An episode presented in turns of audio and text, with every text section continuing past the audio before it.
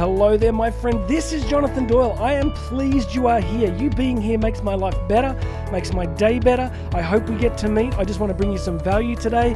I want to talk today about the power of your focus and why you must get really, really, really, really good at what you focus on. I heard a great quote the other day from a speaker I really admire that says this You don't experience life, you experience the life you focus upon. You don't experience life you experience the life you focus upon. All right, let's think about this. Most of us think that you know we're experiencing our lives, and if things are great, then it's just because they're great, and if things are terrible, we're really good at blame. We're really good at identifying. Well, I feel terrible because this, this, this, this, and this. Pay attention. There are a billion things or more you could focus on in any given moment.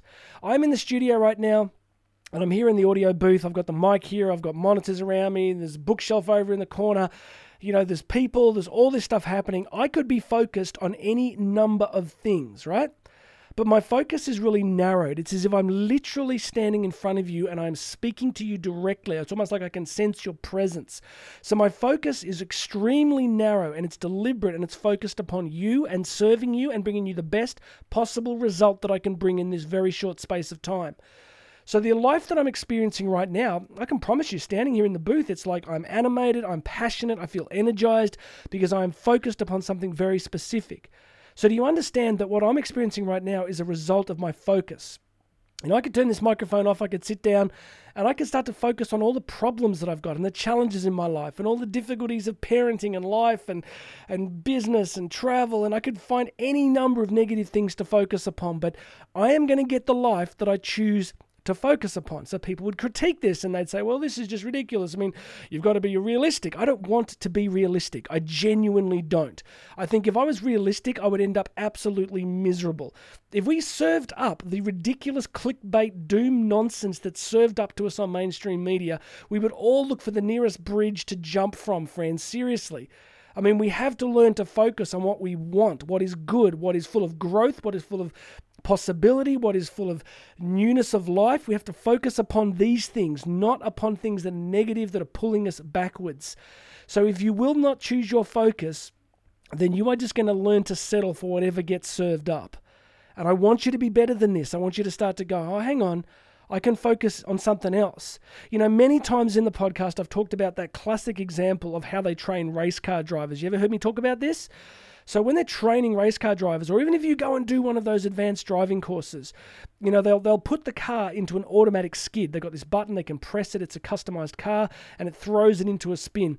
And what happens, especially for race car drivers, is as the car drifts towards a wall or towards, say, some witches' hats, some cones, most people, if they're not trained, begin to stare immediately at the danger. So if you're flying towards a wall, you're like, oh my gosh, there's a wall, there's a wall, there's a wall, and you focus straight on the wall, and your physiology, your body posture, your, your steering wheel, everything moves in that direction, and you move to what you focus on, and you go straight into the wall. So they train drivers that as we go into the skid, we look away from the wall. We choose a different focus point. We do something counterintuitive.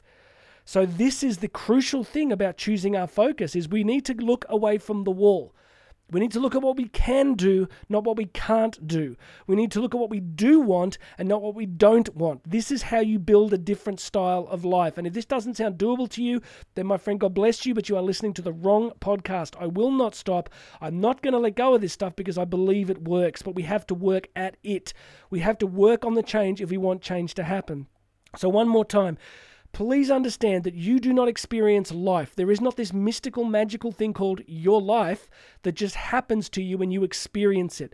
The fact is, you're actually experiencing the life that you choose to focus upon.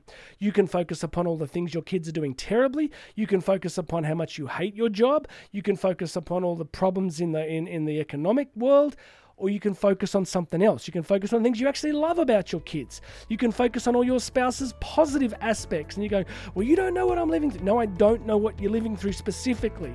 But I do know that if you keep focusing on all the negative, you are just going to get more of that. So this is a discipline. I thought for years that you just had to hang in there till life got better. No, you have to make it better. By learning to be very strategic and disciplined with how you use your mind and where you place your focus. Please make sure you've subscribed to the podcast, my friend. Go and check out the links. You can book me to speak live. My name's Jonathan Doyle. This has been the Daily Message. You and I are going to talk again tomorrow.